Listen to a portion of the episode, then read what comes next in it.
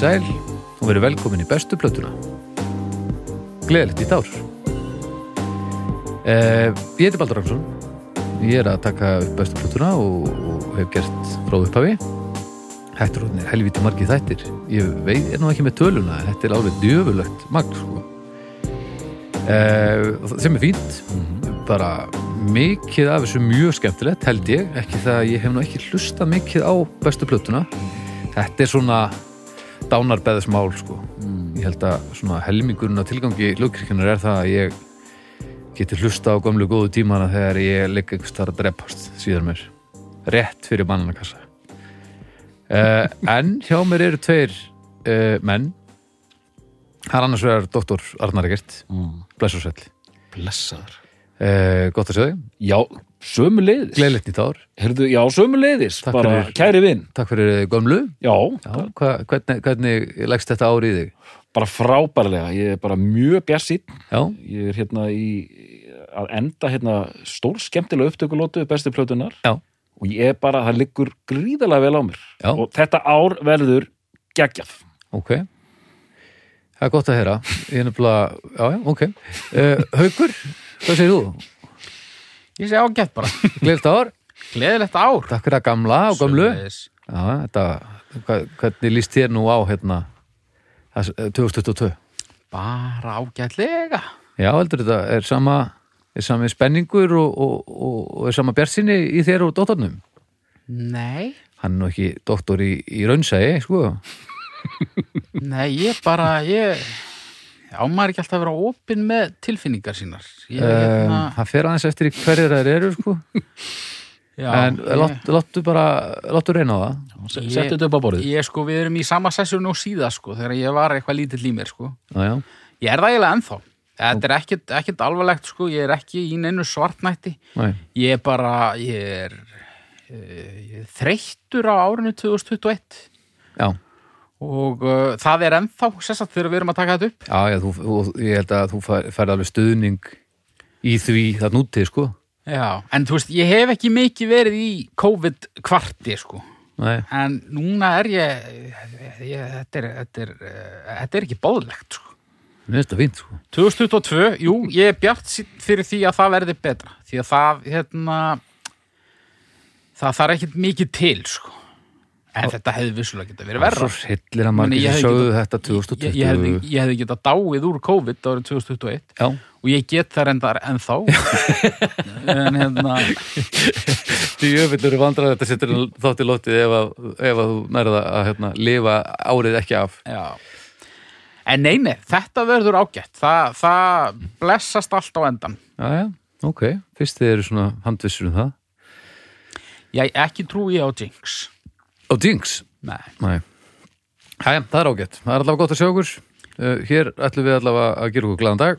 já, tala um hlutin sem skipta máli en fyrst skulum við tala um aðra hluti sem skipta okkur máli og, og, og, og, og hérna, hlustendur það er til dæmis hljóðkirkjan Já. uh, hljóðkirkjan er þetta hlaðvarps batteri sem þið eru að hlusta á þessi hlaðvarps samsteipa, hlaðvarps fjölskylda eins og listamenn kalla það um, eins og staðan er akkurat núna, eru þetta fimm hlaðvarp sem uh, kom út uh, í hverju viku.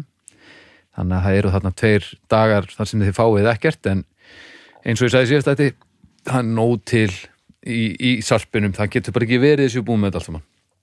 Þá er bara stökkva og kíkja okkur annað í smá stund. En e, þetta er sem sé dómstagur sem að eru ég og Haukur á samt Byrni Péturs, uh, Agnesi Grímsdóttur og Eggerti Hilmarsinni e, þar sem við erum að dæma hluti á mánudöfum drauga fortíðar, það er ég og Flossi ham uh, hann að- skóla mig til í, í hlutum sem eru búinir að gerast uh, á miðgutum uh, það eru drauga fortíðar á. Á fimmtudum er að snæpi talaði fólk, það skýrir sér sjálft. Besta platan á föstum og svo listamenn Eldjarn og, Valdimar Guðmunds á lögadöfum Mhm. þar sem er búið til topp 10 lista yfir alls konar hluti og þetta rúlar svona viku eftir viku og þið skulle endilega tekka á því sem að þið tellið ekki til vekja áhuga hjá ykkur. Kom aldrei til greina þegar að þið ákveða að vera með þátt þar sem að flósi úr ham er að skóla þið eitthvað til að að láta þáttinum falla bara heita ham skóló nei, ég byrst velveringar á þessu Wow, maður, þessi var rosalegur. Ha? já, nei, hann var eh, mjög leilugur Já, já, en ég held að Flósi verði ánæði með þig Já, ég veit það ekki. Jú, jú, ég hugsa það. Þetta- Ég var að, ég var að, fatta, ég var að fatta þetta núna sko. já, ok, okay það, það að er ágjörð, ég fatt með það strax. Standard. Og þetta var bara svona þyndi yfir mig bara 50-50 bara svona undarleg svona undarlega súr lífsamingja í blandið náttúrulega bara fórundrun og, og lífsleiða. Uh, þetta var rosalegur skellur einhvern veginn Já, mikilvægt að- að að finna sinn bott svona í, í loka ásins Já, þú þarft ekki að leita lengur hugur minn, þetta ár er koverað Já. Þetta var rosalegt, er, hérna, já, já, þá skulum við fara yfir í styrtaraðalinn okkar. Ha. uh, Við skulum byrja að tala um Rocksafn Íslands. Já, Já, heyrðu, Já, það er nú við hæfi. Já, það er heldur betur við hæfi. Og nú, Heldur er, betur við hæfi. nú er komið nýtt ár og, og, og nú erum við náttúrulega á þeim kabla Nú er svona, hvað að segja, spennufallið, jóla Já. hátíða spennufallið er e, núna alveg að að drepa alla. Mm -hmm. e, Fyrst er stress, stress, stress, stress, stress friður, hamingja áfram alls konar borðum og mikið. Njótum, njótum bara svona, já, njóta, njóta stundar. Og svo tekur bara núna grámiklulegur uh, hverstasleikin við. Þriði janúar, stimpilklukkan þriði, nei, nei, við erum við, þetta er setna, Já, já, við erum þetta komin langt inn já, þriði já, já, já, fólk er búið að vera núna í, í, í, í svartkvítu í, í nokkra daga, sko. Þetta, við erum vel að, þetta gæti ekki verið verra en þegar, þegar þessi þáttur fer í loftið sko. þetta er nú meira tjöfisins kjaftaði ykkur strákar. Þetta gæti ekki verið betra. Sólin, hún hérna, er farin að hækka á ný. Dagurinn er farin að lengja og bara þetta er dásamlegt. Er þetta dásam? Já, já, já, já. Janúar. Það grínast? Já, já, nei, já, nei nei, Ég hef alltaf, alltaf kunna vel við þessa janúar, februar nei, hver kann vel við janúar, sérstaklega í byrjun, rétt eftir áramót? Já, þú kjaftaði haukur út, þú lítur að ljúga þessu. Nei, nei, nei, nei. Já, ok. Ja, það, en, hérna, þetta er allavega fyrir okkur venjulega fólki kjörið tækifæri til þess að reyna að lifta okkur aðeins upp og þá skulum við kíkja á Rocksafn Íslands. Já, já. Þar sem að við getum bæði á farið gegnum söguna, alveg lengst aftur í tíma og allt fram í núna, nútíman. Gripið inn okkur hljóðfæri, aðeins að, að prófa. Um, það er hægt líka til dæmis að prófa að mixa lag, það er hægt að, að að fykta og sjá líka bara hvaða legg tónlistar maður hefur gaman af, það er ekkert allir sem vilja spila sóló, sko, það er alls konar í þessu. fullt af litlum sniðum hlutum annað til dæmis veggur með hljómsveitarnöfnum Já, bara Íslands. Já. Mér er svo hljómsveiti mín Maunir. Já, já, já, já. Hérna, nafnið hana já, Ótrúlegt sko.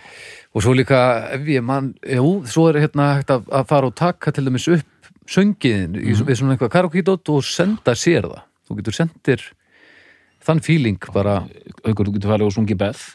Já, nákvæmlega.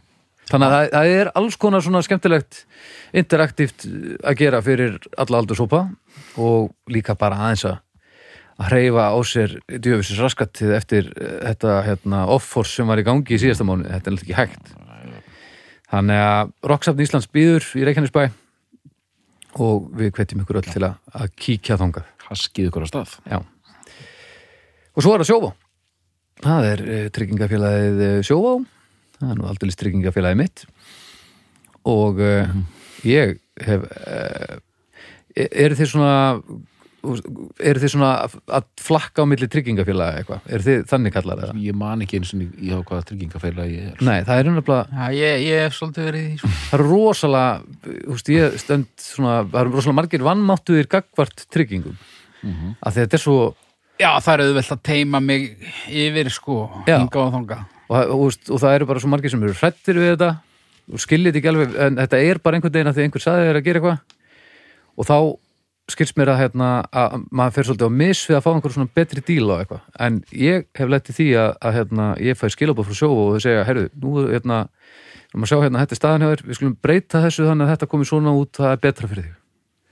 Þannig að ég fengi aðstofið það að laga tryggingum minn er þátt fyrir að ég hef ekki sagt að einhver annar hafi ringt í mig sem er víst venjan svona, hefur verið venjan gegn tíðina mér sko. Þannig að já, ég hef ekki séð ástæðu til þess að færa mig um sett af því að ég fæ hjálp við að gera þetta betra þrátt fyrir að ég sé ekki, hó- standi ekki í hótunum skulum við segja. Þannig að það er, ánægilegt Er þú svona flakkar í haukur? Þú vil er það eitthvað þú að þykjast vera eðlileg manneskja? Nei, nei, það bara ringir eitthvað melur og bara, "Ah, hvað ertu að borga núna? Já, já, ég get að búið betra, "Ah, ok, ok Ó, þetta er allt sem ég hræðist í lífinu sko. ég svona það er samt skrítið að ég láti teima mig þannig sko, að ég dæmis ég er mjög góður í að segja símasölu fólki að ég hafi ekki áhuga já, já. sem er pínu úr karakter sko en já, það er mjög úr ég karakter bara, ég hef ekki við það herrðu, nei takk, ég hef ekki áhuga, verður sæll já. ég er grimmur þegar kemur að því sko. ég er náða að selja sí, hérna, símasölumanni plöttu með, með hálfutunum mínum ég snýri bara vörn í sókn og lofa að ég myndi kaupa einhverja bóka eitthvað á móti uh, sem ég gerði því held ég ekki. Þannig að ég er, líka, ég er bara legamörður og svikarappur sko. svona er þetta. En já, Sjóvá, takk hérlega fyrir hjálpina og Roksafn Íslands, takk hérlega fyrir hjálpina. Við kunum mjög vel að metta þetta. Og ekki amalegt að að uh, starta nýju ári með svona bakland. En þá erum við að fara að tala um músík. Já, Ó, já, og ímislegt fleira. músík. Já, þeir eru hinga komnir til þess að tala um bestu plötu Vitni Hjústón. já. Og ég hérna en ég var búin að lofa sjálfum mér þetta og okkur hérna, að því við erum hérna í upptökulótu sem svona var svona voru svona fra, framstillingar fram og tilbaka og alls konar plön í gangi. Já, og uh, þetta átti að vera síðasta fimmtudag en það, það kom eitthvað upp á haugur Já. hvernig var það nú aftur? Heyrðu, Það var nú meira maður já, hvernig var það? Það var búið að undirbúa Það allt. Já, það- þétt, þéttur mánuður á mér, þannig að það þurfti nú aldrei allt að ganga eftir. allir í stellingum Já, Já, við, sem sagt, við erum að taka, upp, taka þetta upp árið 2021 bara út af því að við vildum svona ná góðri skorpu þannig að við getum aðeins aðeins leið á brokkinni í, í ársbyrjun 2022 velt okkur upp úr grámanum í friði. og hérna hafa mjög mikið púsl að finna tíma. Já, og hérna en við erum nú svo nettir gæjar að okkur tókst heldur betur að negla rétta kvöldið. Að þeir eru svo nettir gæjar, sagðu við þetta bara. allir, allir lausir og nettir Úf, gæjarnir. Ok. og svo bara svo bara eh, hefur tengdapappi samband Já. til að spyrja hvort við séum ekki búin að fara í hraðpróf Mhm. ha akkur er hann að spyrja að því æ, tónleikandir hann ha Heru, þá erum við búin að gleyma því að þess að fyrir svona uh, árþúsundi Já, þá var ég veist búin að samþykja það að fara á tónleika í Lindakirkju með Eithóri Inga já. og ég var búin að gleyma því að gleyma því. Var, er þetta eitt af því sem var búið að fresta í eða?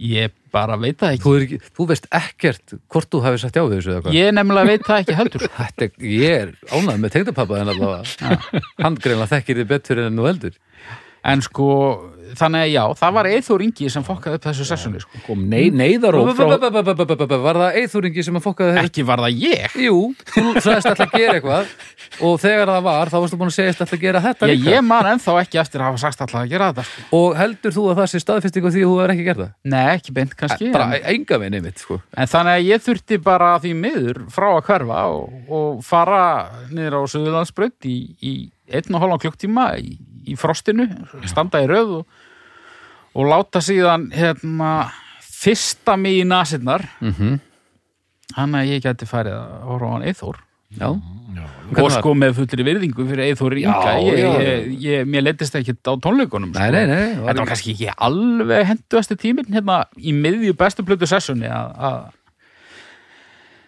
að gleyma þessu sko, ljóta klúðrið sko. ég hló í kampinn sko því að hérna haugur hefur verið, verið svona að tefla sjálfum sér fram sem svona þessi nettur bólur í honum Já, og.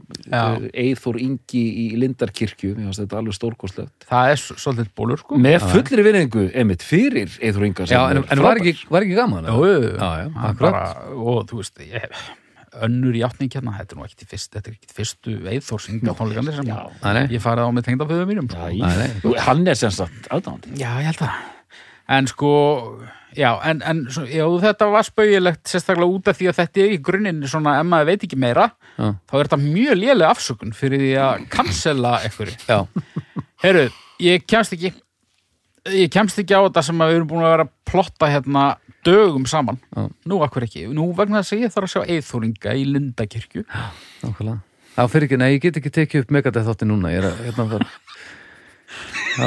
svona er þetta. En Svona var þetta. það er ánægilegt samt að, að, hérna, að þið hefði náð að fara á tónleikana. Já, já, já. Og, hérna, og, og notið stundar. Þetta er tengda- góð eftir herma líka. þið tengda feðgarnir. Já, Tók hann eftir hermur? hann tók eftir herma já, og, og djúvel getur hann sungið. Hann getur Djöfull, svo, ég tók það ekki einu svona fram sko, en þess að hann er náttúrulega já, já, fólk veit hann getur alveg hann er sungið náttúrulega bara ævintýralegur sko. já, hann, hann getur en sungið þú veist, eh, þetta er ekki alveg minn heimavöllur, ég við ekki það alveg en þetta var bara mjög skemmtilegt og ég gæti, sko, ég myndi borga mig alveg inn á gig sem væri bara eftir hermu líka, sko. já, Hann er mjög fær í þessu sko. Já. Útrúlegur sko. Það er líka bara eitthvað við eftir herm. Djúvill er það skemmtilegt. Uh, já. Ertu eitthvað tístíðandi með það? nei, það eru bara sko, Eftir þegar herm er alltaf skemmtilegt. Já, ef fólk næ, getur hermt eftir Já, það, fólk sem getur ekki hermt eftir, það er ekkert að herma eftir. Jú, sumir, Er það? já, það er hræðilegt. Það eiginlega, það, það, það skemmir heiminn jafn mikið og eftir heiminn að laga. vinnuskúr einhver Nei, stað það er, það er alveg rosalegt sko. það er bara. Og það er- halda allir er séu með bubba, skilur það er, það er ekkert allir með bubba. En já, Já. við ætlum að tala um músík. Það er Jú, besta plata eithúrsinga hérna sem er eftir Akkurat. fullunar það er besta plata Whitney Houston. Já. og uh, doktor, þetta er þú segirum, Já, þetta er ég. Og, En samt eiginlega við Hugur. Já, já. Samt eiginlega ég, ég, ég man rétt þá var þetta hugmynd sem kom frá hauki en samt var þetta auðvitað engin hugmynd af því að þetta er bara listamaður sem þarf að taka fyrir í þessum þáttum Já, við skulum segja það að ef að ég kom með þessa hugmynd þá þá hafi ég verið stating the obvious. Mm, og, en síðan einhvern megin hvernig við hérna, skiptumst á þá bara lendi það á mér að velja plötuna. Mhm. og það reyndist mér nú auðvelt. Ég, hérna, það var spurning um fyrstu plötuna, aðra plötuna en eins og þið sjáið gott fólk þá er það önnur plata Whitney Houston sem heitir einfallega Whitney sem kom út 1987 sem ég tefli fram sem hennar sterkasta verki plötulega séð. Já, en uh, ferill þessarar manneski eru þetta með, með miklum ólíkindum og, og mikil harmsaga í bland við alls konar hluti. Og við ætlum að fara bara aðeins í sauman á þessu í þessu þætti. Já, mjög gott. Það uh, hvernig viljið þið byrja þetta? Það er spurning. Er þetta ekki saminningarmál? ég held það. Jú, jú, algjörlega sko. Um, hver, er, hvernig þú að er í þessu annars haukur? Ég, já, ég er sæmilegur svona. Nei, ég er frekar lélegur sko. en, en þú veist, við náttúrulega fylgdumst bara allir með þessu uh, þessum harmlegg sögunar svolítið í betni sko. Því miður. Já, Þetta var svolítið fyrir allra augum. Ég þekki tónlistinannar ágætlega. Uh, fyrir þennan þátt. Uh, ég hugsa ég hafi verið búin að rúlla fyrstu tömmu plutunum með mitt uh, áður, svona í heldsinni, örgulega nokkrum sinnum. Ég allavega hérna, man eftir að hafa gert það með fyrstu, ok en svona þessi 90s leggur og, og eftir það, það var ég að hlusta á í fyrsta sinn fyrir Ok. utan bara eitthvað smáskífulegu, sko. mm. já, já, já, Uh, en þar náttúrulega er þetta orðið miklu starra fyrirbæri heldur en bara tónlistakonan Whitney Houston. Já, já. og Algjörlega. ge- einmitt. og vera að gefa út einhverja breyðskifur sko, sko ef við ekki, ekki bara ef við ekki taka bara pínu síkilt og reyna einhvern veginn að klóra okkur áfram frá segja aðeins sögunar Jú. haldi er það ekki bara? Jú. Sko, hérna erum við að tala um sko, við erum að tala um svarta konu svarta konu og hérna, við höfum tekið Tracy Chapman, við höfum tekið Nínu Simone sem ég man í þessum þáttum. Þannig að eðlilega eru heimturna nú ekkert, ekkert hérna miklar. Í. já, skankan hansi, já. Og það eru þetta ástæði fyrir því sem ég ætla ekkert að fara sérstaklega út í hér, það vita það allir. Uh, bakgrunnur hérna þáttastjórnenda og la la la la. En við gerum okkar besta. Og uh, En þetta er ekki þetta er ekki þáttur sem við erum að gera af skildurækni. Whitney Houston. Hún Skulum er nei. skulum hafa það á hreinu líka sko, að hérna, að því við tókum þetta Madonnu og uh, Whitney Houston er bara einn bara stærsti pop tónlistamæður allra tíma Mhm. Já. og ef maður hugsaður um 80s þá var alltaf talað um þessar tvær konur Madonna og Whitney Houston Mhm. Og þið viti hvernig þetta er í blaðamennskunni að við, við viljum fá einfalda hluti við viljum líka helst fá vini og óvinni þannig að það var alltaf stilt það var óþekka stelpan og, og, og, og hérna góða stelpan Já. og góða stelpan var Whitney Houston sem var síðar óþekk Já, já, ég ætla bara að fullir það, það strax bara. Ég held því fram að allar mömmur 80s og 90s hafa átt Whitney Houston blöð. Allar, hver einasta. já, alveg pottið sko Alveg sama hvað voru gamar. og þessar fyrstu tvær plötur hennar þú veist, þegar maður var uh, í kólaportun eða í safnarabúðum eða einhverstaðar, þessar plötur voru allstaðar sko, þetta er bara uh, maður handleik þetta enda lust sko, af því að þetta var bara seldið svo mikið og var bara í það mikið lítið reyfingu sko, Já. en hún og ég var ekkert að leggjast of mikið í, í einhverja sakfræði en hún er sagt frá New Jersey og uh, svona ekkert af efnafólki Nei. en líkillin fyrir okkur hérna er að hún ólst upp við mikla músík og hérna Diane Warwick frænkanar Alveg rétt. Já, já. uh, þannig að hún er með þarna ofsalega svona, svona tengingar mikil, mi- mikil músík í gangi og síðan kemur þetta sem, sem, sem hérna, svartir í bandaríkjunum hafa og, og stiður svo mikið við það sem við, við erum að hlusta um. Það eru eh, hérna, þessar gospelrætur og kirkjurnar sko. mm hún er, mi- mi- kemur alveg úr þeim bakgrunni sko. Og þessi rödd hennar sem við skulum fara bara svolítið grúndikt í hérna setni þættinum bygg, byggir á þessu sko. Að hérna hún tekur svolítið gospelið inn í poppið að einhverju leiti og er svolítið brautriðandi hvað það var þar þannig séð um, já. Ég hef búin að gleyma þessum Diane Warwick Já. eh, þeirri tengingu, sko. En hérna, já. og mammenar Kissy Houston C-I-S-S Upsilon, ef ég maður rétt Já. hún var líka sem sagt sönguna, atvinnu sönguna Já. og átti, átti svona einhvern temmilegan feril sko. Einmitt. ekki, ekki, ekki stór kannski en, en svona sæmilegt sko. Og síðan svona og vitni hjústan kemur snæmiljós og hún er algjör hérna, algjört undra barn og er fann að syngja með, með, með hinum og þessum kringu 15 ára aldurinn og, uh, og er, er módel líka og, en það enda með því að hérna Clive Davis Já. sem er mikill mm. plötumókul hann í bandaríkjunum, hann til dæmis hann sá um hann hérna hvað heitir hann hérna bassalegari Guns N' Roses hann, uh, Duff McKagan. Duff McKagan þegar Duff McKagan var að sjoppa hérna ætla hafa ekki verið uh, velvættir í Volver Já.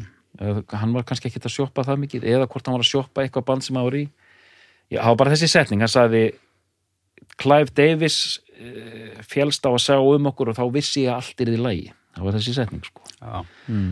Clive Davis svona virtur svona mógull og hann er unni uppgötar Vitni Hjústón gerir við hana samning Hann er, hann er pródúser og svona uh, umbóðsdrjóli eða ekki? eða- svona, svona, hva- hva- hvað heitir það? svona. Nei, hérna, Svengali Bara mógull, það er Mógull. Uh, náttúrulega algjörð legend. Ég held, ég veit ekki hvernig það lítur út. Nei. En alltaf þegar ég heyri þetta þá ímynda ég mér bara svona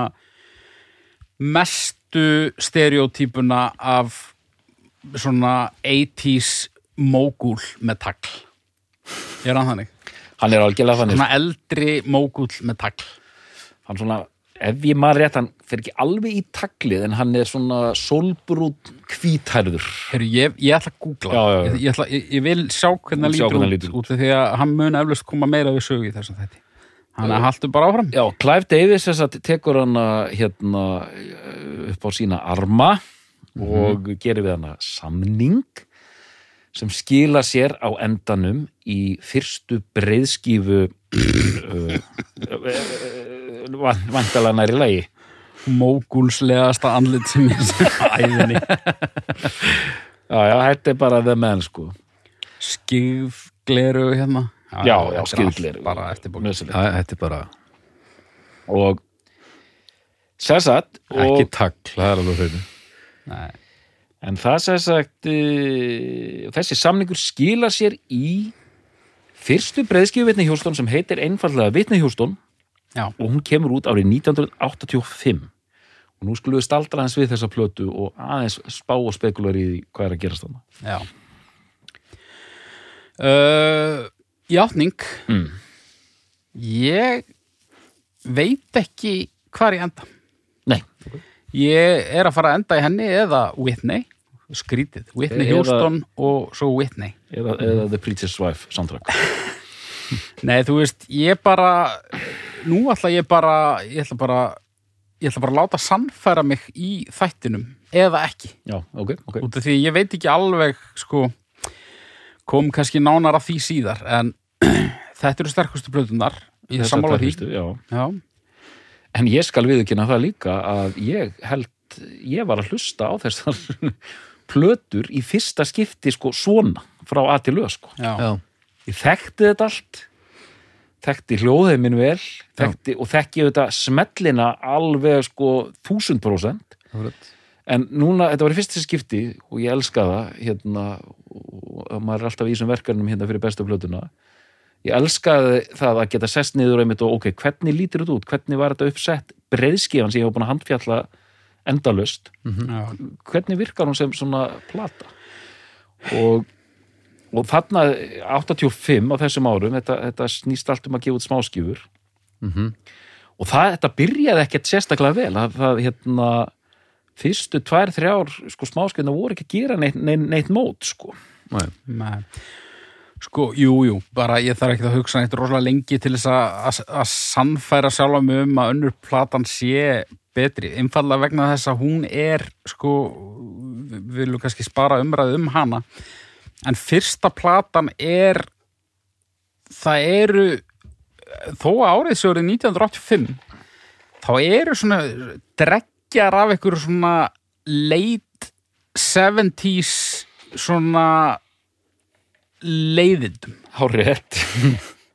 Það er bara svona æ, ég veit ekki einu svona hvað þessi tónlist kallast. Bara, þú veist bara late 70s ballöðu rusl. Kom mér á óvart einmitt að þessi plata hún er hún er alls ekki svona modern þessi fyrsta plata. Nei. Það er meira en svona hafi komið út 81 heldur en sko 85 hún hljómar þannig uh, en svo eru lögin á milli sem að, og, og það er rosalegur kontrastur finnst mér uh, á báðum plötunum mm. en sérstaklega á þessari fyrstu uh, á milli góðulagana og slæmulagana Mm. sammála það er bara eins og til dæmis bara stærsti singullin á þessari plötu HLNO mm -hmm.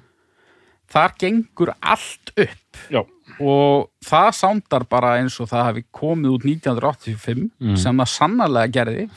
Modern og flott og katsi og bara glæsilegt. Skemmtilegt. Mm. en svo eru lög bara þarna úr raskati áttunda áratugurinn sem eru bara hundleiðileg Mhm. en svo reyndar þannig lög líka sem eru ágætt. Uh, svona uh, balöður sko. Mm. sko ég, ég, ég, það kom mér einmitt á óvart á þessari fyrstu plötu sem er, þetta er nýða tíu lög að það eru bara þrjú þrjú risalög sko. Já, hérna, ertu með, ef við förum bara yfir tracklistan Já. Um, You give good love. Já, sem var singull mm. en var ekkert spilað að neinu ráði á Ísland allavega. Og er ekkit sérstætt lag. Nei, en, á, mér finnst það ágætt. Thinking about you ég, ég man ekki eins og eftir því. Uh, Someone for me. Uh, einmitt, þetta er svolítið það sem haukur er að tala um. Saving all my love for you. Þarna, já, fjórða lagi hún er rosalega lengi að byrja þessi platta og er mjög svona trénuð. Þá kemur þetta Saving All My Love For You sem var man ég fyrsta lagi sem ég heyrði með Whitney Houston. Ok. og það var myndband við þetta lag Já, sem var bara í mik miklu rotation.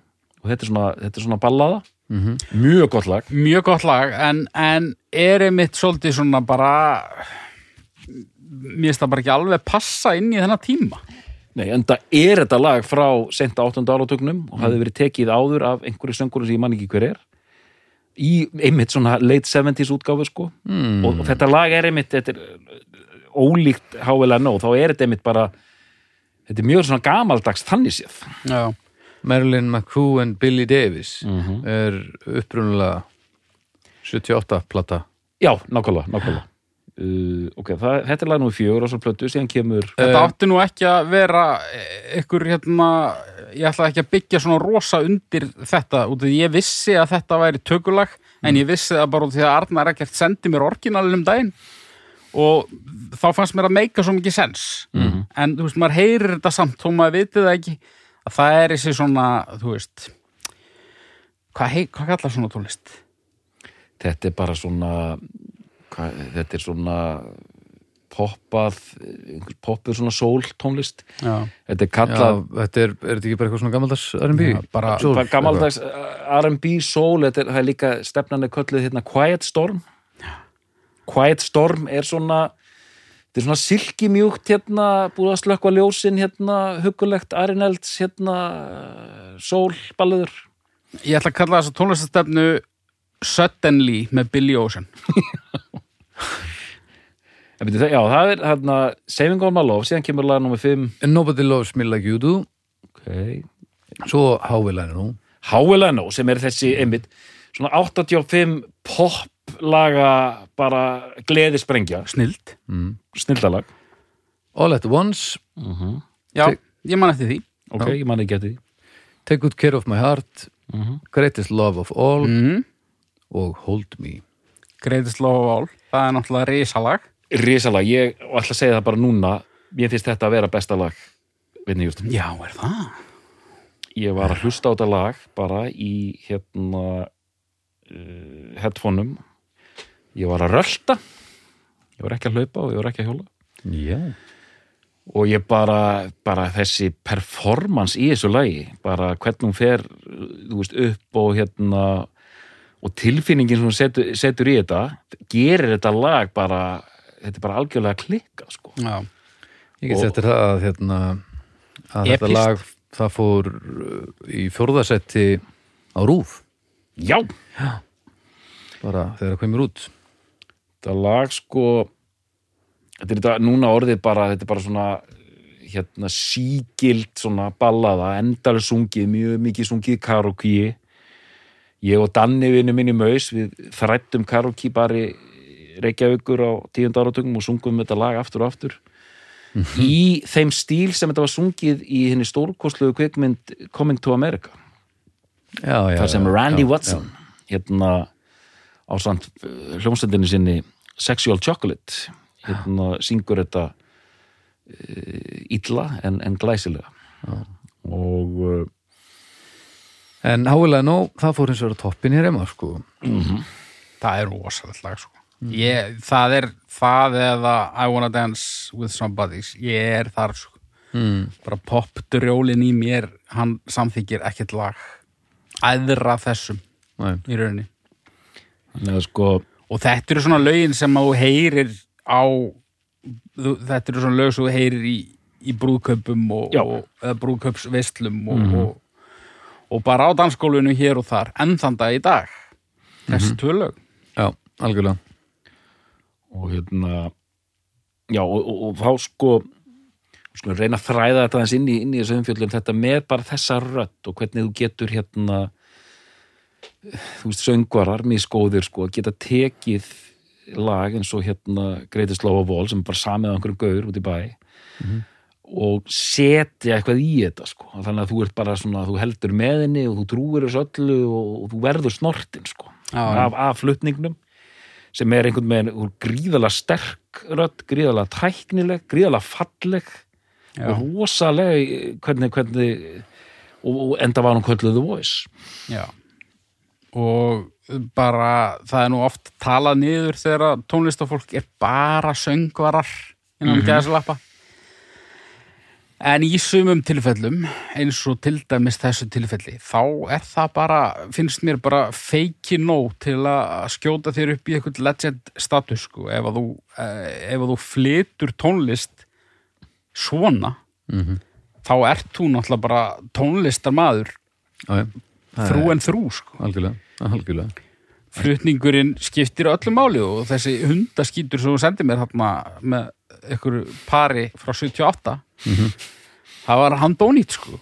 Og svo hérna kemur hún og neglir þetta. Og uh, annað viljið þið móla?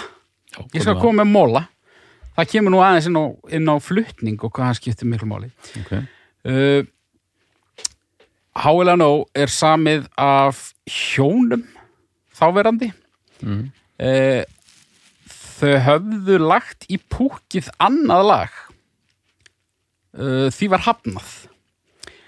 Þannig að þau bara uh, settu það onni í skúfu og lögðu til HLNO sem að varð gríðalegur hittari. Mhm. leggja svo til I Wanna Dance With Somebody á næstu plötu það eru svo satt þetta sama par sem að uh, Já, semur það lag.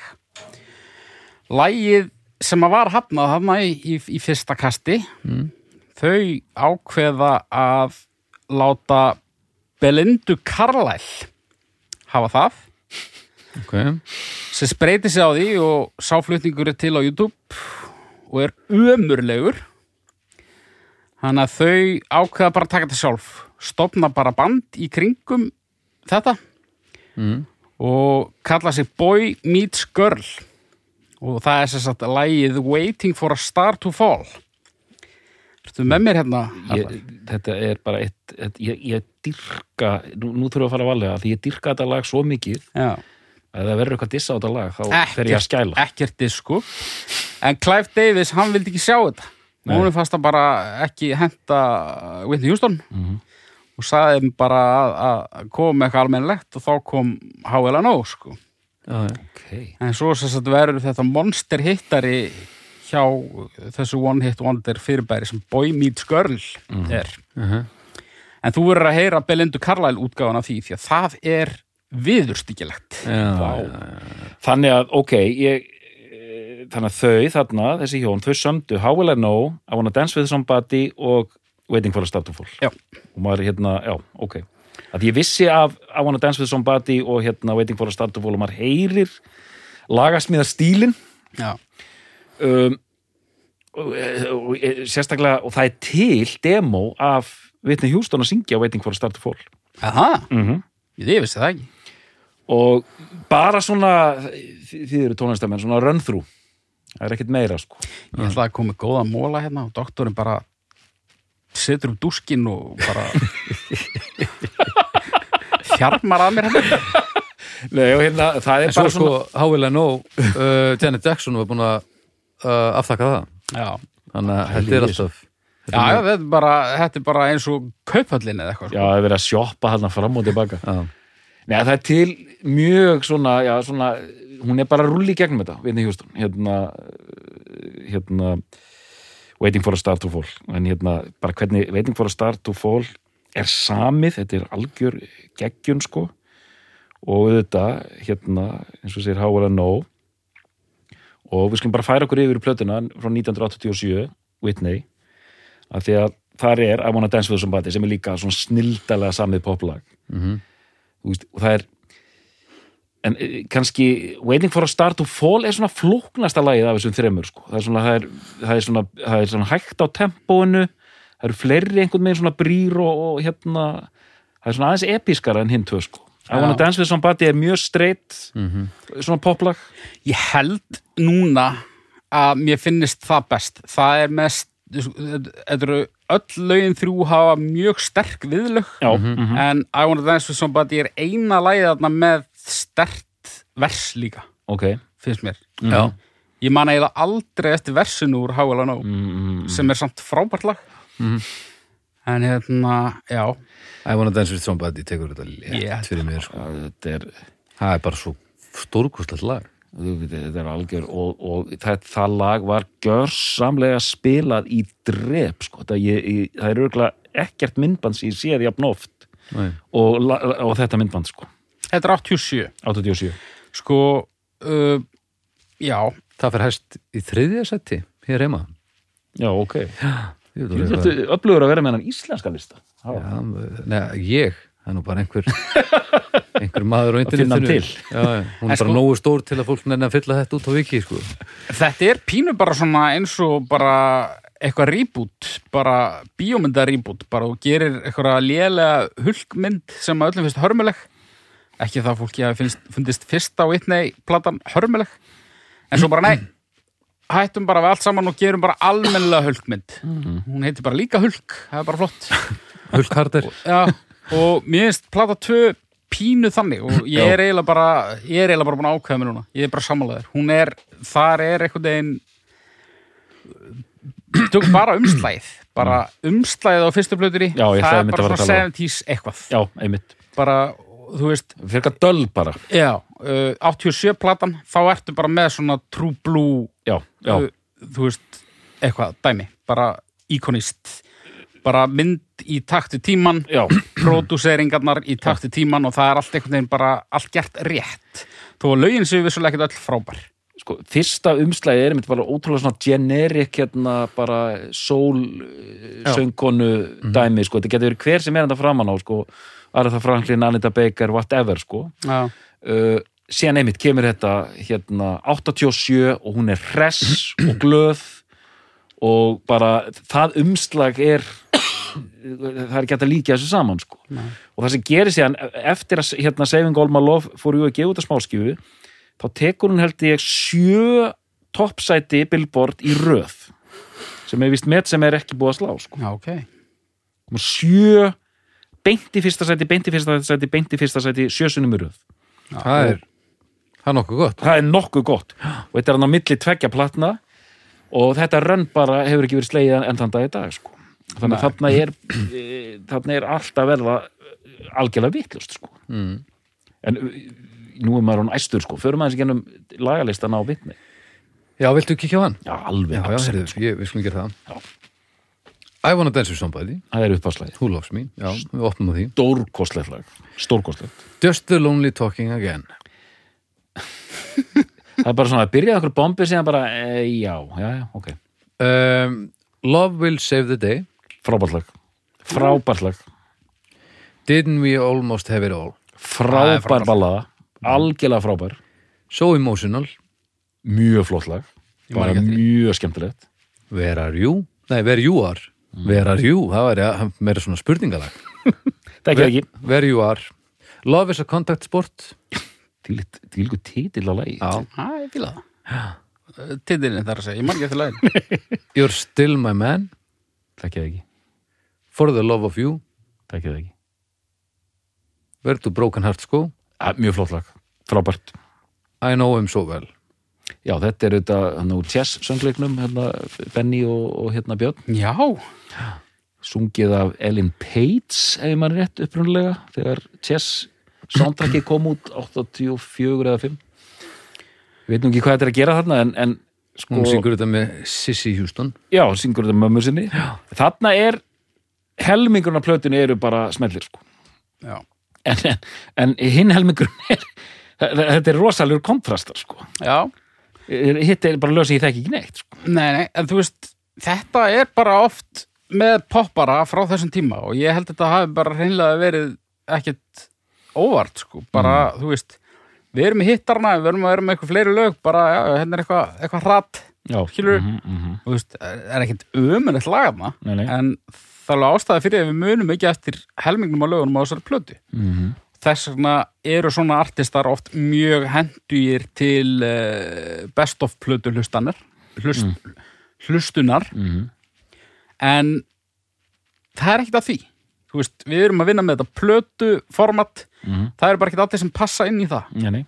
og mér allavega líður ekki þannig að, að ég sé eitthvað að tala uh, tala niður til tónlistarferils ekkurs þó hann sé svona innan gæsalappa greatest hits listamaður Já, nei.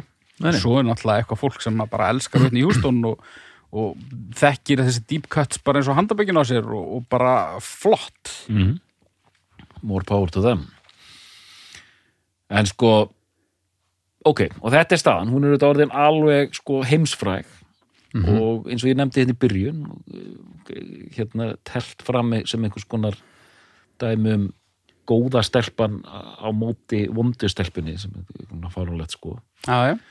síðan var ég að reyna að flett upp hverju voru hérna svona sam, hinar vitni Hjústón það, það gekk erfilega hjá mér.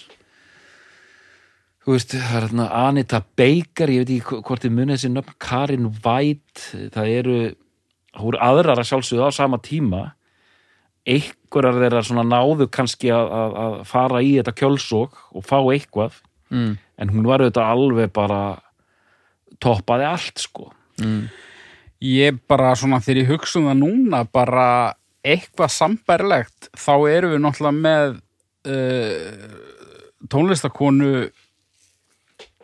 sem að er náttúrulega bara kynnslóð á undan en var samt að gera ekki ósvipaða músík eh, sem er Tina Turner. Emmitt 80s Tina Turner. Já, og þar mér finnst uh, Whitney einhvern veginn kannski höfða meira til þess hóps heldur en hópsinn sem að var að hlusta Madonnu, skilur við þetta Já. er meira svona traditional já, uh, popmúsík, það er ekki verið að augra, veist, þetta er bara þetta er bara söngkona sem er bara að syngja falleg lög og syngja þau mjög vel og, og hefur þessa breiðu skýrskotun á meðan Madonna var svona meiri unglingamúsík. Mm -hmm, er ég er ég ekki svona er ég ekki heitur þarna? Jú, þú ert að meina þá að Vitni Hjúston hafi átt meiri hvað aðgengi að, að, almenning heldur en já, það er kannski ekki segja með Madonna Madonna var þetta heimsvæð líka. Já, nei, nei, bara þú veist þetta er bara hún er bara þannig listamæður að, að þú veist, það sk- skiptir ekki máli þó að, að kannski hennar uh, stæsti svona já, ég ætla ekki að segja samherji en, en eh, stærsta hliðstæða á þeim tíma sé kona sem er 20 árum eldri sko. Já, Tina Turner. Já, Já. Sko, hliðstæða, já.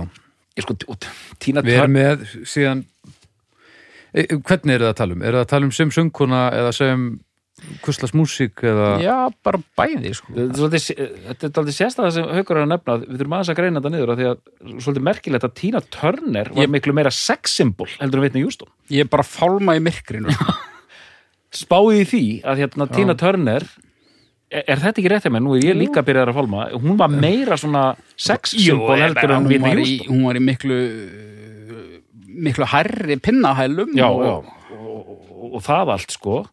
Já. hún var að vinna með svona hérna, ég er lífsrend kona með ákveðnar þarfir. Hún var svona ekki hún var ekki eh, alveg hérna með eh, eitthvað róðu kross í, á kafi í klófuna sér eins og Madonna en það týði að hérna Madonna Tina Turner, Vitni Hjúston á þessum tíma í tísinu báðar, við höldum okkur við Vitni Hjúston, báðar þessar plötur eru þeim er tekið opnum örmum af hvíta markanum Mm. það er dálítið svona sker sér dálítið frá Mm. hún var gaggrínt fyrir þetta Heldur betur. og hérna og aðtöfum líka smá bara örstuð saga með hérna, svarta og hvíta músík að í 50s þá voru svartar plötur á svona sérstökum með reis vinsaldalistum Mhm. uh, í 60s þá erum við komið Motown vestmiðuna þar sem svartir fá svona ro- rosaflott átlet Mhm. 70s þá er komið meiri rödd sko, funkið og James Brown og allt þetta og það er bylting og það er hérna svona revolutionary dæmi gangi Mhm. í 80sinu þá eru svartir loksins konir með, við erum að tala um Prince, Michael Jackson Mhm. Whitney Houston, með sterka stöðu í bara mainstream poppi heilt yfir, sko Mhm. já, allir er að kaupa þessa blötur, sko, allir er að dýrka þetta já. þannig að við erum stödd, stödd að þessu tímabili þarna þegar þessi Whitney-plata kemur út 87 og einhvern veginn heim, heimurinn er bara hennar, sko já, já. uh, en mér finnst þetta mjög góð punktu með tínu tölnur sko, af því að þetta er rétt sko. Já. Ég kannski litaði bara því að mamma mín var að hlusta á Whitney Houston og Tínu Turner bara til skiptis, bara til svona 1998, sko. Já, já, já. Ég En- set þær svona svolítið saman. en sko, ok uh, við skulum bara spóla þess áfram hérna hún var alveg vinsal næsta plata kemur þremur árum síðar 90 90 Já. og heitir I'm your baby tonight. Og þarna er ég bara dottin út. Í 90? rauninni. Já. Já.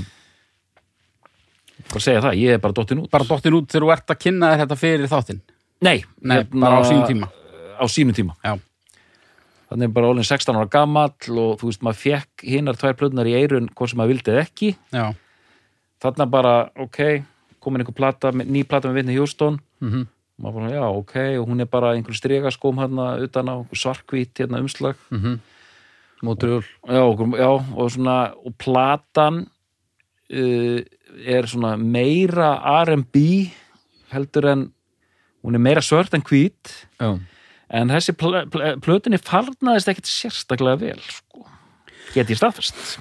Erum við að tala um bara svo ég vísi í síðasta þátt er þetta mögulega so far, so good þrýpunktur, so what? Plata Whitney Houston. Og kannski um leið lognið á undan storminum sem að annars vegar var Rust in Peace með Megadeth og eins vegar Bodyguard já, mm. sántrækið hér er sko ekki verið að fálma í myrkri. Hérna ertu komið með sko lasergisla ég held það. Í, í, í, í, nákvæmnis greiningu þriðja plata í báðum tilfellum. Þetta er bara þetta er augljóst svínlegur En það eru, það eru einhverjir uh, singlar þarna sem maður þekkir samt, er það ekki? Jú. Hvað, komdu með singlana af þriðið plötunni? titilagið. Já, uh, já það er, fyrsti singull er I'm your baby tonight svo All the men that I need Miracle My name is not Susan I belong to you, we didn't know. Þetta eru singlarnir sex þetta eru ekki singlar af sömu stærðagráðu og við erum búin að vera að tala um. Það veldur að segjast. alls ekki sko, það er helst hann að titilagið sem, sem verður sem flýgur sko Þetta eru sex singlar af 11 lögum sko. Já. Ég hlusta á þessa plötu í gegn og það sat ekki mikið eftir. Ég verða við ekki það. og, og þegar ég segi flýgur ekki, ég, þessi plata hefur ábyggilega selst í sko mörgum miljónum eintaka sko Já. enga síður sko og þa þannig erum við líka að komast inn í svona geisladiska hérna tímabilið. Hún En ég seldi, meina- hún seldi svona 10 miljónum myndaka já, ekki nema. En ég meina flutningurinn er hennar uh, aerokýr og þetta er vel flutt þannig að þarna bara einfallega er þarna er bara eitthvað fólk út í bæ ekki að standa sig. Já, ég menn þetta er fjó, fjórar miljónir og 150 þúsund eintök í bandaríkjunum Fjó- fjórföld platinum plata Já, þannig að hún þótti standa sig uh, þrátt fyrir að, kannski að efni var ekki hvað var platan á undan? Uh, hvaða tölur eru við með þar? við. Ég þarf að aðeins að skoða það hér, látum okkur nú sjá. Uh, Súplata fór í 20 miljón eintaka og hún seldist 10 miljón í bandaríkjun, Diamond. Okay. og þú sjöföld platinum uh, í, á Bretlandi sko. Já, hún bara, já, það er bara hún var seld að eilifu út um allt síns mér bara. En þá skulum við vinda okkur kannski fyrir tvö ár fram í tíman já, var þetta ekki 92? frá Bodyguard tímann. já, Það held ég. Já. Ég held ég að farið á hana í, í kvikmyndahús á Jú. afmælisteginu mínum 1992 Veistu hvað Eh, við, já? þegar ég var 12 ára. En hérna, fyrsta platan hefur selst mest Já, 22 miljón endug 13 föld platinum plata í bandaríkjunum. Já. Nei, ég hef líklega síðan á 13 ára afmælisteginu mínum því að ég á afmæli í janúar og það er ekki fræðilegu möguleiki að ég hef síðan að 27 dögum eftir uh, að árið sem hún kom út byrjaði. Þannig að segjum það. Ég veit ekki alveg hvað þú sagðir Nei, ég leiðist. veit að ég líki heldur sko. Östubæði, Ég man það ekki. Bodyguard móli uh, Nú erum við að fara að tala um Nú erum við eh, er mólar og dúskar? Mólar og dúskar. Nú munum við væntalega minna staðis á uh, eitt ákveðið lag á þessu já, Það geti verið mögulega. Það var hugmynd frá Kevin Costner að taka þennan a cappella stúf hann á undan laginu. Já, og hann frekjaði því einhvern veginn í gegn. Já. það voru allir á móti því og það er nú heldur betur eitt af karakter ennkennum þess slags Alveg. heldur betur. Þetta er að Kevin Costner ef að fólk allar eitthvað að fara að tala hann niður sko, þá er mér að mæta. Uh, Og fyrir þá sem er að hlusta, sko, við, erum, við þrýr erum allir undir gamlu menn, sko. Hérna erum við að tala um kvikmynd sem heitir The Bodyguard. Já, og þannig er vitni Hjúston byrjað að flessa út í kvikmyndaleik. Já. Og leikur hann á móti Kevin Costner. Þessi mynd verður alveg humongous. Já, og meðal annars að það er sungið lag eftir aðra drottningu maður. Já, Dolly Parton. Já. sem er hann að lagið I will always love you. Já, frá konunni sem færð okkur uh, móderna bóluefnið. Já. Og náttúrulega bara konuna sem hefur fært ótrúlega mörgum alls konar. Af því hún er náttúrulega alveg stórkostleg. Já. En mér þykir vænst um móderna af hennar verkum, verði ég að segja. Ha? Já, ég, þú veist, ég fíla alveg Jolene sko, en Þú get, af hennar verkum, veistu hvað þetta eru mörg lög þetta eru fleiri þúsund lög sko. Já, já. Og ætlar bara að taka eitthvað bóluefni á þess að þú ert ekki búin að hlusta á nema brota brota þessu Já, og dólgurinn í henni, ha, fuck you eða í henni er illa stertunur, hún er búin að segja öllum sem eru fávitar að fokka sér í áratugi. Og þú ert að velja eitthvað anskotast bóluefni henni anskotast rasl Jæja, I will always love you. Áfram með, áfram með smjörið.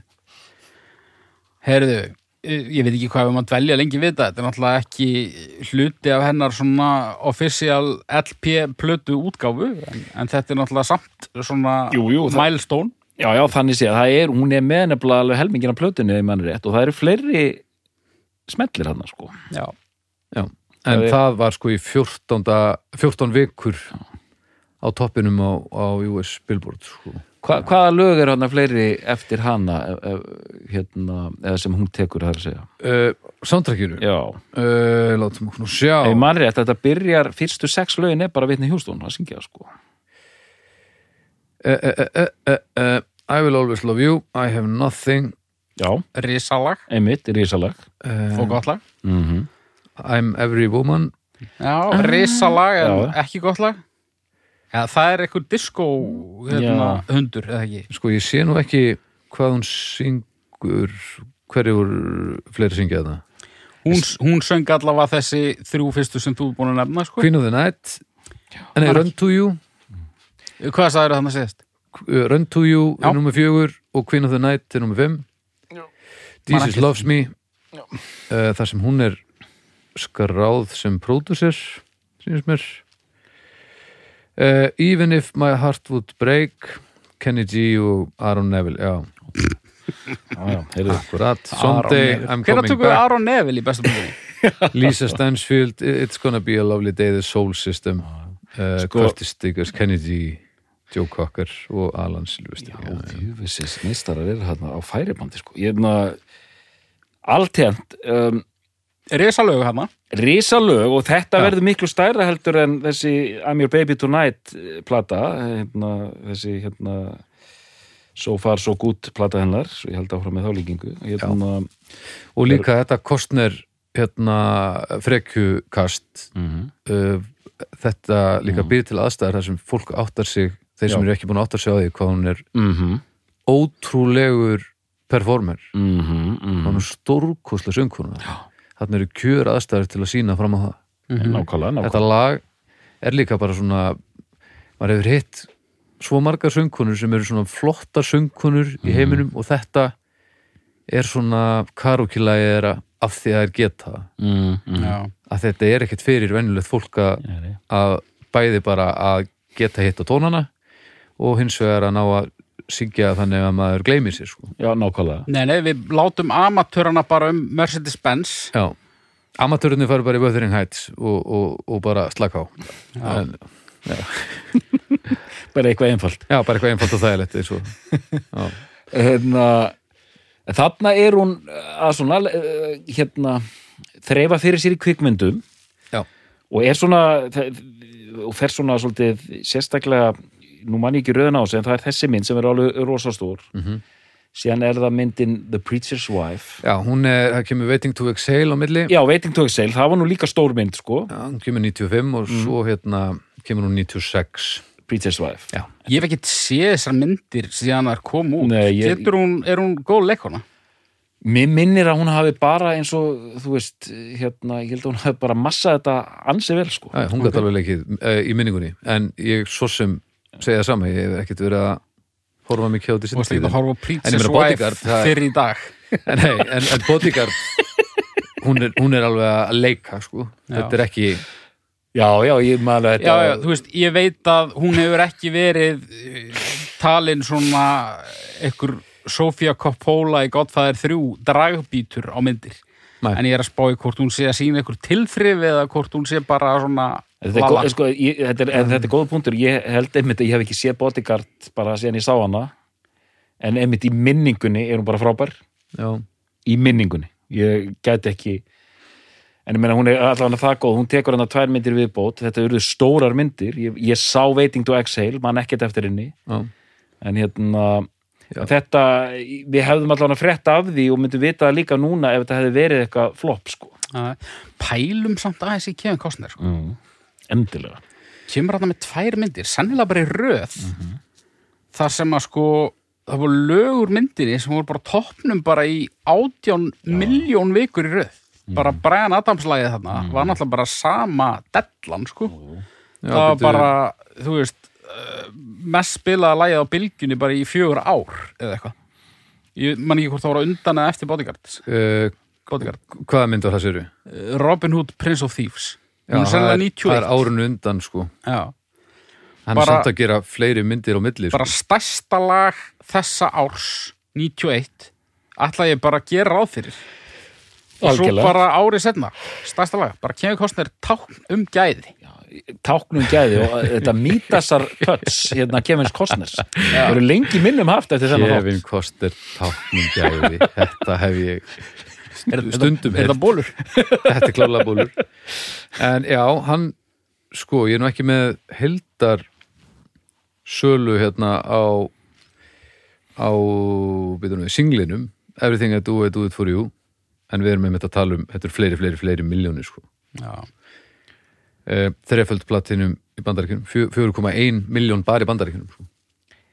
ég er svo mikið að sjá fyrir mér ég þannig að þetta rúlaði aðeins. Er svo mikið að sjá fyrir mér Baldur vera undirbúið sér fyrir þáttir með að horfa á Princess Wife í dag heima á sér sko Já, ég hefði átt að gera það sko. Ég bara vissi ekki að við vorum að fara að tala um Vinni Hjústúl fyrir, fyrir kom tíu myndum fyrir þáttinn ég Nú er, ég, nú er ég mest að hugsa sko út því ég, ég sagði já áðan þegar myndist á lagi Run to You svona út því mér fannst ég vita hvaða lag það væri. Nú er ég að hugsa um hvort að ég hafi gert það út af því að Brian Adams á Ábyggilega. lagi Run to You sem ég þekki mjög vel. Já, það hefur verið það sko. Örglega ætla þessi sama lag hún hafi skellt sér í denim on denim, denim og, og, og, og hlaði í to You Nei, Heyrðu, já, uh, hvernig við sko við verðum eiginlega, hvað hefur að gera núna? Ég var að tala um Ég held við verðum bara leifa þessum þætti að bara síga á ógæfu hliðina Já, bara rétt eins og umfyllunar efnir. Eins og- Ég já. að Það er óumflýjanlegt. já, Já, ég, ég, ég ætla að koma með smá punkt hérna eftir að Bodyguard gekk svona vel mm, þá ringir Kostner í, í gamla vinkonu já. til þess að leika aðalhutverkið í, í hérna, næstu mynd í röðinni. Uh, og hún samþykti það var uh, Diana Prinsessa. Og hún fekk fyrsta draft daginn áður en hún deyr. Og myndinu var slaufað í kjölfarið. Já, já, já. Þetta hef ég aldrei hert það er rosalegt. Smá kannski hýbris hafna. og það er verið að það er verið að, það er verið að skrifa uh, endurgerð, remake af, af Bodyguard Já. bara wow. í þessum töluðu Djöfull mm. maður samt komin svona hátt upp þegar að þegar maður er farin að pizza til díunu prinsessu að leika í bíómynd. Shit. Já Já, já, hann Kevin lætur ekki að þessi hæða sko. Æ, ég gera þá bara Waterworld í staði. Já, Postman, Postman uh, græður þetta. Hann er aðeins ofmetnast eftir tvo stóra singla Allavega, já, hvað segið, þið? hvernig Já, nú, nú ert þú með það þá, nú treysti ég á þið haukur, ertu með hvenar fer ógjafan svona Sko, takk yfir? ég er ekki doktor í ógæfu en Nei. ég veit að ógæfan svona varð uh, illviðráðanlega í kjölfar velgengni The Bodyguard. Það var bara einfallega of mikið Mhm. hún var bara ofræg og á ofstuttum tíma og þetta var bara einhvern veginn allt mjög yfirþyrmandi nei, nei, hún alltaf orðin heimsfræg löngu fyrr en þetta var bara þetta var bara stærðin var orðin óviðráðanleg Já. og hérna uh, ég sko ég man allavega á sínum tíma þá var fólk alltaf að bölva honum Bobby Brown, Mhm. eiginmanni hennar uh, að hann hafi verið einhver svona vendipunktur í, í hennar ógæfu sögu Mhm. bara svona eins og aðrir frægir drulludelar í, í, í popkultúr sögunni en hérna en ég hreinlega veit ekki hvort að það er tilfellið. Hvort að hún hafi bara verið hérna uh, saklaus kórtelpa fram að Bobby Brown og eftir það hafi þetta bara verið ógæfa sko. En hann var allavega hann var ekki, hann var ekki góður félagskapur og hann var ekki góður við hann Nei, nei, alls ekki. Og hún var ekki heilög aldrei, sko. Það er, eh, það er til nokkrar heimildamindir um hana Mm. og hún var, þú veist, jammað og djúsaði bara eins og annað fólk á unglingsárum, sko þetta er ekki svona þessi heila kórtelpa, sko að þetta var meira skrattin hittu ömmu sína frekar en það að Já. hann hafi bara hérna dreigið hana með sér hún í eitthvað svað sem hún var ekki komin hálfa leið út í. Nei, já, það er mitt, það má, það, við erum nær því heldur en hinnu, sko Já. og hérna, Hann var eitthvað svona, þú veist, hann var eitthvað svona R&B deli, mm gaf út uh, í, man eftir þetta þessari Don't Be Cruel plötu hans. Hún var hérna, uh, horfði alltaf íllum augum á mig í plötubúðum.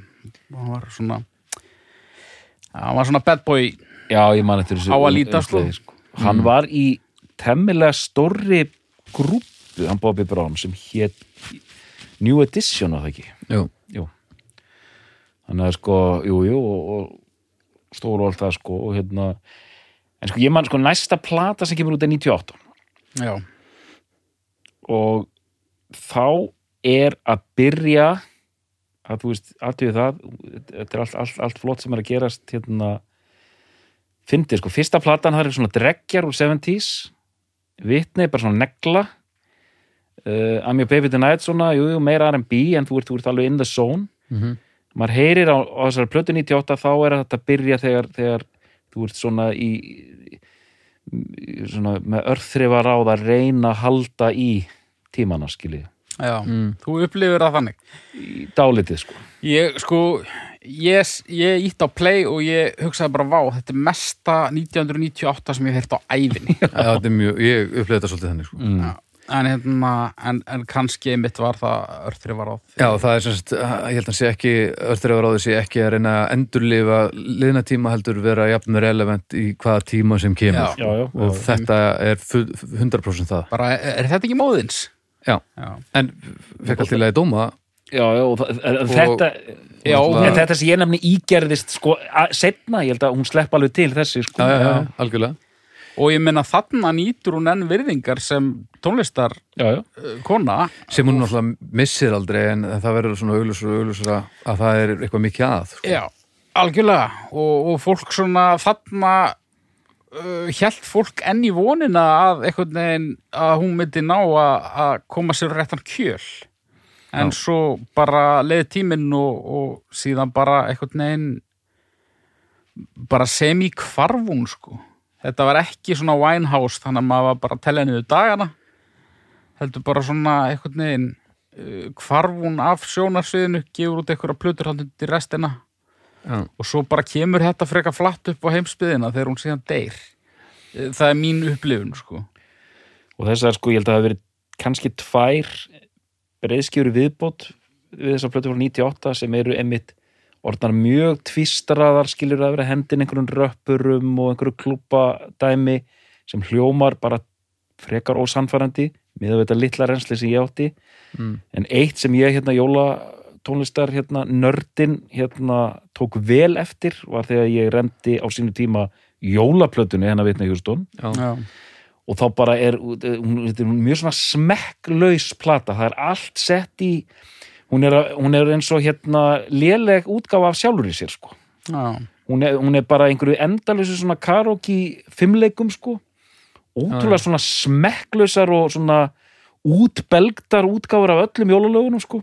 Þetta var hún ekki ekki mikið um góða dóma. Nei, En þetta hvað- var bara allt í rugli Hvaða ár kemur hún? 2002 ef maður rétt. Eh, 2003 2003 Já, ég hlusta reyndar ekki á jóluplötur en þessar setni tíma Whitney Houston plötur ég rendi þeim öllum og, og þú veist það var ekkit svona sem sló mig sérstaklega, það var aldrei það að ég var að hugsa þetta nú ljóta tjöfusi strasslið Nei, en þú veist, enda bara hún hætti ekkert að vera góð söngkona þó að það væri allt í klessu í, í engalífinu.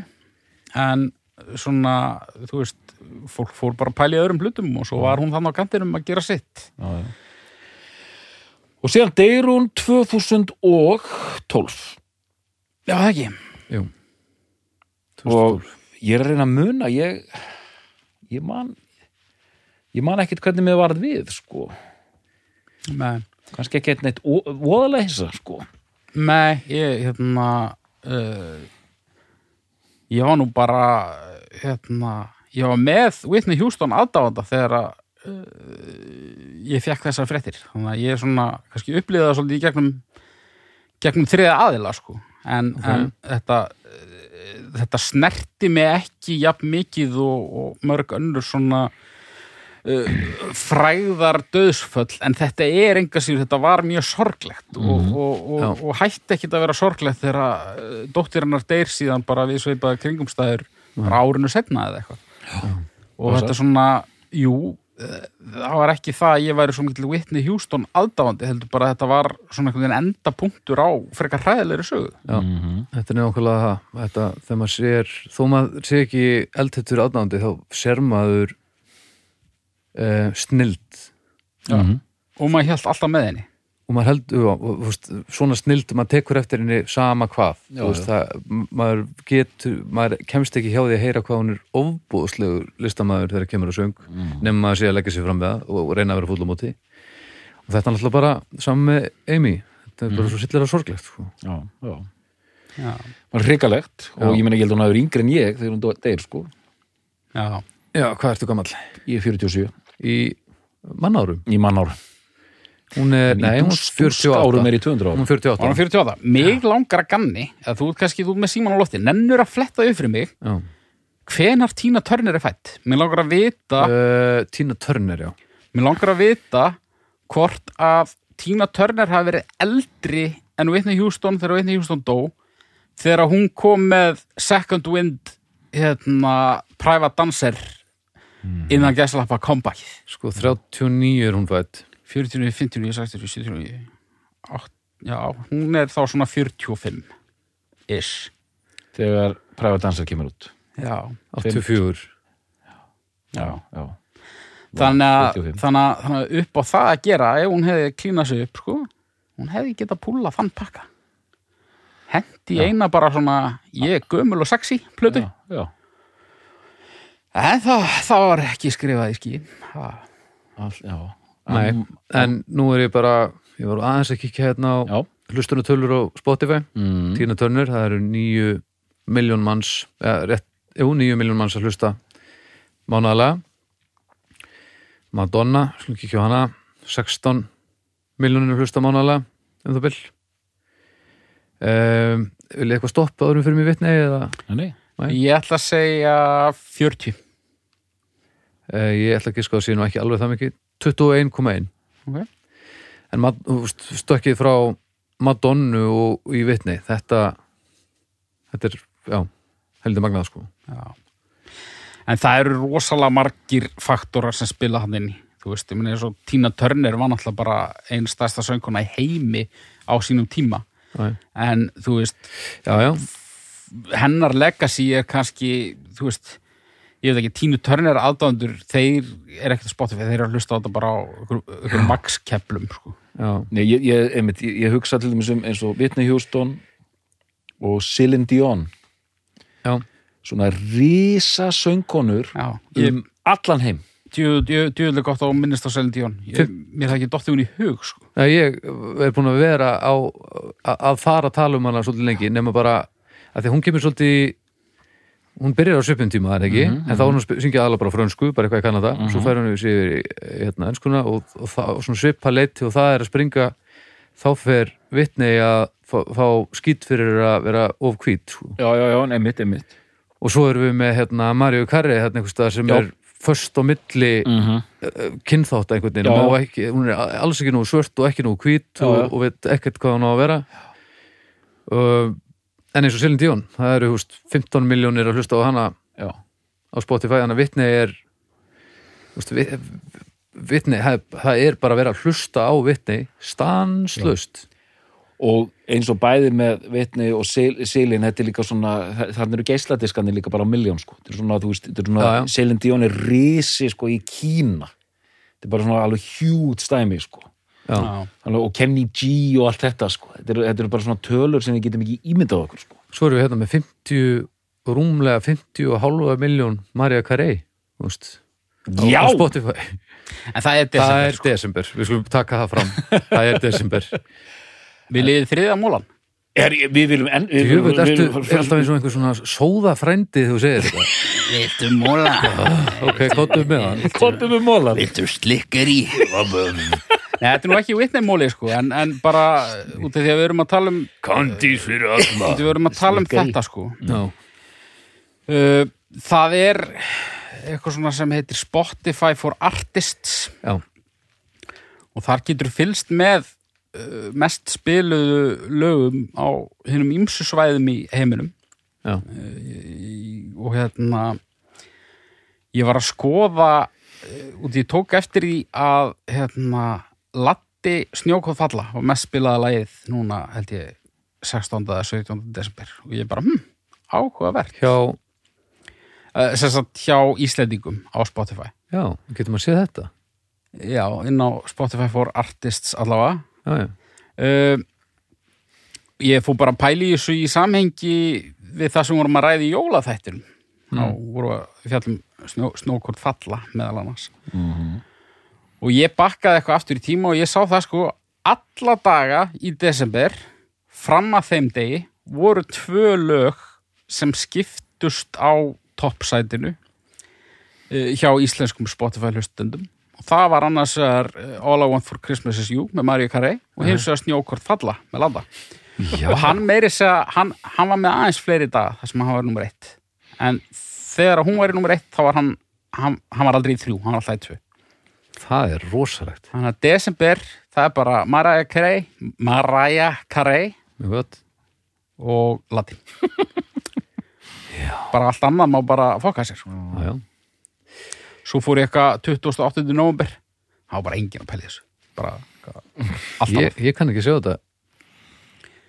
Nei, ég þurfti eitthvað að logga minn og eitthvað. Í tölvu eða, já, þetta er ekki allavega hægt í en það ég, ég ekki trú að þetta hafi breyst mikið sko. Nei, það sem nei, að við er erum ennþá í desember sko, þetta er spennandi bara. Þegar við erum að taka þetta upp. Spennandi, spennandi löp. En já, hvað hérna ég, ég allavega ég er ekkit vissum að, að eitthvað svona ég er búin að klína mig upp og ég er komið tilbaka. Ég er ekkit vissum að það hefði verið eitthvað jafn mikið hittari og, og, og tína törnedæmi þetta kannski ekki sami aðdraði það er kannski ekki beint hægt að kalla það uh, comeback en jú, kannski. Jú, en já, mikið hefði ég samt verið til í það þó að hefði bara verið eitthvað drast. Já, já. það væri indislegt og hún væri bara eitthvað 55 í dag eða eitthvað og bara í, góðum málum sko. Það er hægt að púla svona hluti sko ég myndi segja, skulum bara nefna þetta með tínutónu, þetta sé svona second wind útspil, eða bara second wind dæmi sem hefnast. Uh, ég ætla að henda hérna Johnny Cass inn í, inn í þessa hræru sem bara eitt magnaðasta second wind dæmi bara allra tíma. Uh -huh. þegar Rick Rubin bara tekur þetta og sko rammar þetta inn. Það er nefnilega málið sko. Svona meiri dauða tegjur en Já. ok. Já, já, ok. En eins og líka bara eins og Tina Turner er líka römmuð inn sko, hún er 45 ára en samt sko kynþokkin alveg bara í bullandi hérna ham sko. Þannig að það er spurningunni þetta second wind hennar vitni er hefði verið rammað inn. Já. En og, nú, við- og, núna sko já. Mm. kannski við tökum það fram hérna, nú erum við að tala um þetta bara í pop samhenginu ég, ég, ég kannski tala ekki fyrir doktorinn en ég, ég er samt, ég túlka orðin þannig að þú sett ekki að segja að 45 ára gamlar konur get ekki verið sexy Nei, nei, en, en, en það er ekki, það. það er ekki er engin rosalega hefð fyrir því að pakka þeim inn eins og Tínu Törnir var pakkað inn hann í 1984 alls ekki Með þessu er ég ekki að segja að einhver hafi pakkað henn inn, kannski gera hún það sjálf. Við viljum bara setja all, slá alla var, hér. já, já. Það, hérna, poppið lútur öðrum lögumálum. Ég skal nú segja ykkur það að laddir á tóknum Er á tónum? Já, já, já, já. Okkar maður. Já, svolsug, en ekki hvað Og, og sérðu, er búið að vera einhver dagur í desember það sem að, Sko, ég sé þetta bara hérna 10. til 16. já, Uh, þetta er weekly, já, við skulum bara fara í daily. Já, þá kannski, hvað gerist þá? Já, hann er á tóknum uh, Laddi bara er að rústa þessu. Það er bara svo leiðis og hann, hann er bara, nei, býttu nú við. Í gær var Marja Kari já, á tóknum Þetta er æsi spennandi, það Þetta er það sem ég veit hvað ég er að fara að gera í nótt. Já, þetta er bara Tyson Holyfield. Já, já, upp á nýtt. Sko. ekki minna sko. En þetta er spennandi. Og hérna Já, ég fer nú bara að fara að kalla uppgjör held ég já, ég hérna Alltaf Það endur sko- við í latta. Hvað? alltaf, já, það er bara, það er frábært sko. Já, já, nei, hérna ég líka að hugsa um hérna það er eh, eldri sálar tónlistar söngkona, bandarísk, svört sem hann Jeff Tweedy er að vinna dálítið með já. nú er bara stólið úr mér hvað hún heitir og þið eru bara að afsaka það en hún var risi skilur í 60s og 70s og síðan kemur einhver gaur eins og Jeff Tweedy og rammar þetta inn fyrir nýja kynnslóð gerir þetta allt smekklega og flott og það virkar fættið uh, Jack White gerði þetta líka með hennar Loretto Lynn, hérna country söngunu Já. og Jack White tekur þetta bara að sér Já. og það eru búin að til tvær þrjár plötur þar sem sko nútíma maðurinn Já. Jack White í þessu tilfelli veit alveg í hvað box þarf að haka Já. til að selja þetta aftur sko já. þannig það er alveg hægt að gera þetta viðveitni hjústan að sjálfsögðu ef, ef þetta var ekki farið svona sko nei, mitt. Af því að, en, af því, að- en líka því að við erum að tala um comeback sko, var þetta nógu hún var samt virk skiljiði Já. allan tíman sko. já, já, en listrænt séð það má þetta hérna deilum það, en jú, slökum okkur í uppgjörið absolutt, og bara svo, bara það komið fram þá Varst að flett upp Jeff Tweedy? dæminu? ég var bara að að hérna, ég var bara að kíkja á þetta og það er bara 19. november þá skýst laddu listan bara beint í sjötta, alveg búm, bara rétt Þá fyrir fólk var bara að vera, já, fjandinn hafið það, það Nei. er latti. það er, ég meina, Cold Tart uh, remix, hérna eitthvað Elton John Dua Lipa Pinu er fyrir ofanan, svo er þetta bara nýja platar með Adele og Laddi hann er bara, það er- bara Laddi og Adele eða, allavega, já, uppgjör við skulum fara í Haug Mavis Staples heitir svo ah, sem Jeff Tweedy var að vinna með emitt, emitt. Já, um, Haugur minn, hvað séru? já, þetta er bara allt mjög sorglegt uh, og Fallegt. ég segi bara með fullri virðingu fyrir uh, söngkonunni og manneskjunni og veitni Hjústón þá eru þessar plötur á heldina litið ekki neitt sérstaklega sterkar að mínu mati. En sé ferillin tekin saman þá eru þarna bara hittarar á færibandi. Það er bara aðeins að grísa hitt frá sko. Þannig að það var svolítið erfitt að- að átta sig á því strax uh, hvaða plata væri best. En það er það er enginn af þessum plötum einhvern veginn uh, hugsuð sem eitthvað svona heldstætt verk eða hljómar allavega ekki þannig. Nei. en ég held ég sé búin að ná að sannfæra sjálfa mig um það að, að vera sammála doktornum. Og uh, tel ég plötu tvö það þá kannski helst til tekna að, að hún er alveg onnit tímalega séð. Það er búið að hrista 70s uh, hrollin úr þessu. Og hún hljóma bara modern og flott og öll umgjörð er til fyrirmyndar og náttúrulega flutningurinn að sjálfsögðu. Mhm. uh, þannig að já, ég bara ég myndi segja að það væri besta platan en hérna uh, þetta er ekki plata sem að ég mun setja held ég aftur á fónin ég, ég mun halda mig við einhverja playlista held ég. Ok, Mhm. skilji. Uh, Doktor? Já, ég er bara algjörlega sammála hauki sem er algjörlega sammála arnari. Um, Þetta er bara nákvæmlega eins og hauka var að lýsa. Uh, Þarna, ef við tölum um plötu þá næst þetta best með þessari plötu vitnei Árið 1987, það er svona 80s hressleiki, ferskleiki, gaman að þessu. Bara kjarna með þessari ljósmynda af henni þarna og, og, og platan gengur best upp en, en ég er alveg á því eins og Haukur segir að það eru hundar þarna, óvinni margir í rauninni. Já. Eh, að, þú veist, það eru annarkvort algjörlega geðbylu lög eða lög sem að bara man ekki eftir. Mjög fyrirlegt sko. En bara eh, þarna náðun, náðun þessu út, út frá plötupælingum en bara, ég vil bara koma hérna sem, sem söngkona og listamaður bara second to none sko, stórkostlega söngkona sko, alveg bara ótrúleg sko, algjör eins og, eins og eldri dóttur minn segir, hún, hún er queen. Já. Mm. og sko bara uh, svo ég hérna nýsist hérna aðeins í, eða komið með hausin upp í, í, í þína samantækt bara erum við að tala um flutningin aðan Dolly Parton lægið það er ekkert skemmtilegt með Dolly Parton. Mm. og hún er frábær sko. En þarna bara er það flutningurinn enn og aftur sem að gerir lægið, hún tekur bara uh, þokkalegt lag Mhm. og gerir það að bara lægið sem að við erum bara heyrum bara í hverju viku sko. Þetta er árétt, árétt Þannig að Doktor Er þetta besta plata við Hjústan? Já, Haukur, er þetta besta plata við Hjústan? Já. Við þakkum fyrir dag og við heyrumst að viku liðinni